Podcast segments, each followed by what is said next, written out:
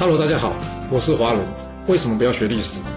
因为学历史会让你了解到顶层阶级的思考方式，成为他们的竞争者，所以他不希望你去学。还有学历史会让你看到许多前人成功及失败的案例，你的竞争对手想要好好的睡个觉，所以他也不希望你去学。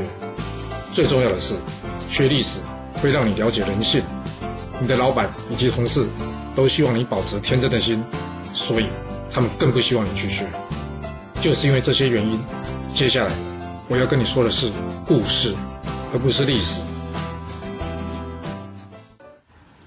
今天的主题是如何顺势引导。我们常听人家说要顺势引导，这句话说起来很简单哦，但是要执行起来却是一个非常困难的挑战。简单来说吧，你看到你老板脑袋不清，想要做损害公司的事情，或是看到自己的小孩呢，就是一直想要做一件事，你劝不住。那这时候应该怎么办呢？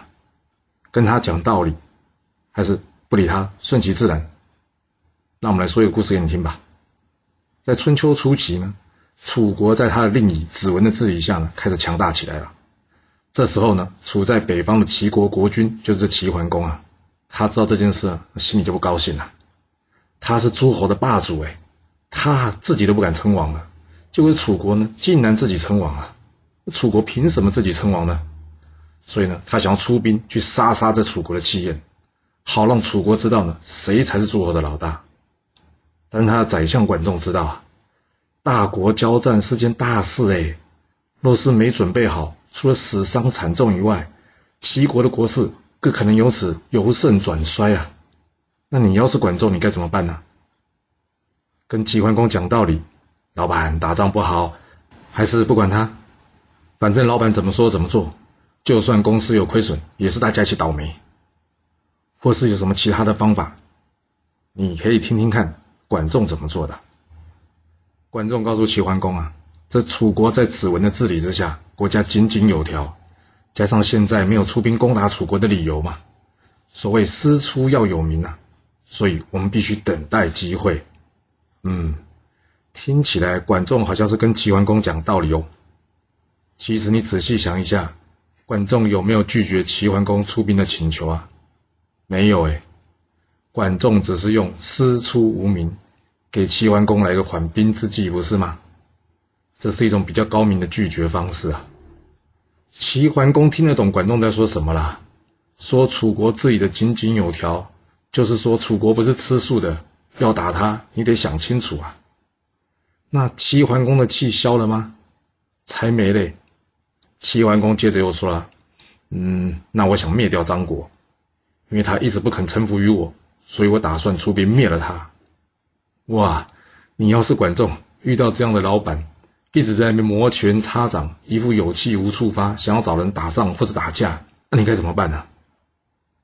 这管仲告诉齐桓公：“灭掉张国，这个可以啊。不过张国跟你都是同样的姓呢，若是出兵灭了同姓之国。”恐怕有人会在后面指指点点，说你闲话。我的建议是这样的：我们直接派大军呢到张国附近去演习，并且假装要出兵呢攻打张国的样子。张国看到这状况啊，肯定吓得半死。到时候呢，一定会来主动投降的。这样我们就可以不用攻打他，但是却可以直接灭了他。齐桓公听完之后，开心地说：“好，就这么办。”果然，齐桓公如愿灭了张国了。那故事结束了吗？还没。齐桓公灭了张国之后，气才没消嘞，因为根本没打仗嘛。他又想要出兵打仗啊。刚巧这个时候呢，燕国的使者前来齐国了，来干嘛？向齐国求援呐。哟，那到底发生什么事啊？原来是这外族三龙啊入侵燕国啊。管仲一看，哦，好机会，马上告诉齐桓公。我们一直打着尊王攘夷的旗号，是外族入侵，我们一定要去帮忙解决的。所以齐桓公在管仲的建议下呢，率领大军前往去救这个燕国。不过这齐国军队一到了燕国，才知道，哇，这三龙听到齐国大军前来啊，早就绕跑了。那齐军可以回家了吗？这问题可能要看齐桓公想打仗念头消了没吧。没错，齐桓公想打仗念头了，根本就还没消除。管仲看出来了，所以管仲再次建议啊，他告诉齐桓公说：“嗯，这三龙呢没有被修理到就跑回去了。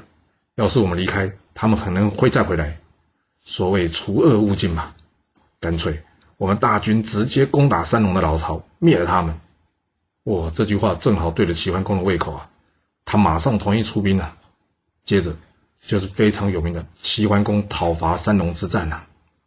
在这一战呢，齐国最后在有惊无险之下灭了三龙的两个国家，大胜归国。由于这过程中呢兵凶战危，多少让齐桓公生出了一些警惕之心。加上这结果还令人满意嘛，所以呢，齐桓公的气啊，终于暂时的消了。哦，他终于肯乖乖的回国老实一阵子啊。其实，在我们的工作和生活中，也常常会遇到这样难缠的问题啊。比方说啊，你老板坚持要做某项投资，但是你一看就知道呢，这个不会是成功的投资。或是你的小孩呢，就是想要买某个玩具，那你是先提出反对意见，还是会像管仲一样，虽然知道他这么做不对，但是不会直接拒绝他，而是先用缓兵之计。比方说，跟老板说：“哎，这个议案提案很好。”或许我们可以先进行一下市场调查，又或者跟你小朋友说，嗯，这玩具看起来真的很好玩。若是你能有什么好的表现，我可以送给你；或是你的积蓄达到多少时候，你可以自己决定要不要买。这样会比直接拒绝他来的更好。一来，他的决定不会时常被你否定，可以增加他的自信心，并且维持好你与他的关系。他有话才会跟你讲。二来。他既然有话可以跟你讲呢，所以下次也会比较愿意告诉你他真正的想法，或是听得下你的建议。顺势引导，其实就像大禹治水，用的是什么？沟通，而不是防堵。所以下次在你准备说 no 之前，想想这句话：我是在引导他学会如何前往正确的目标，还是只是在防堵他不要犯错呢？好了，我们今天先说到这。如果你就是不听我的劝，想知道完整版的故事内容，你可以从说明栏找到我爱故事频道的连结。不过记住哦，你是来听故事的，而不是来学历史的。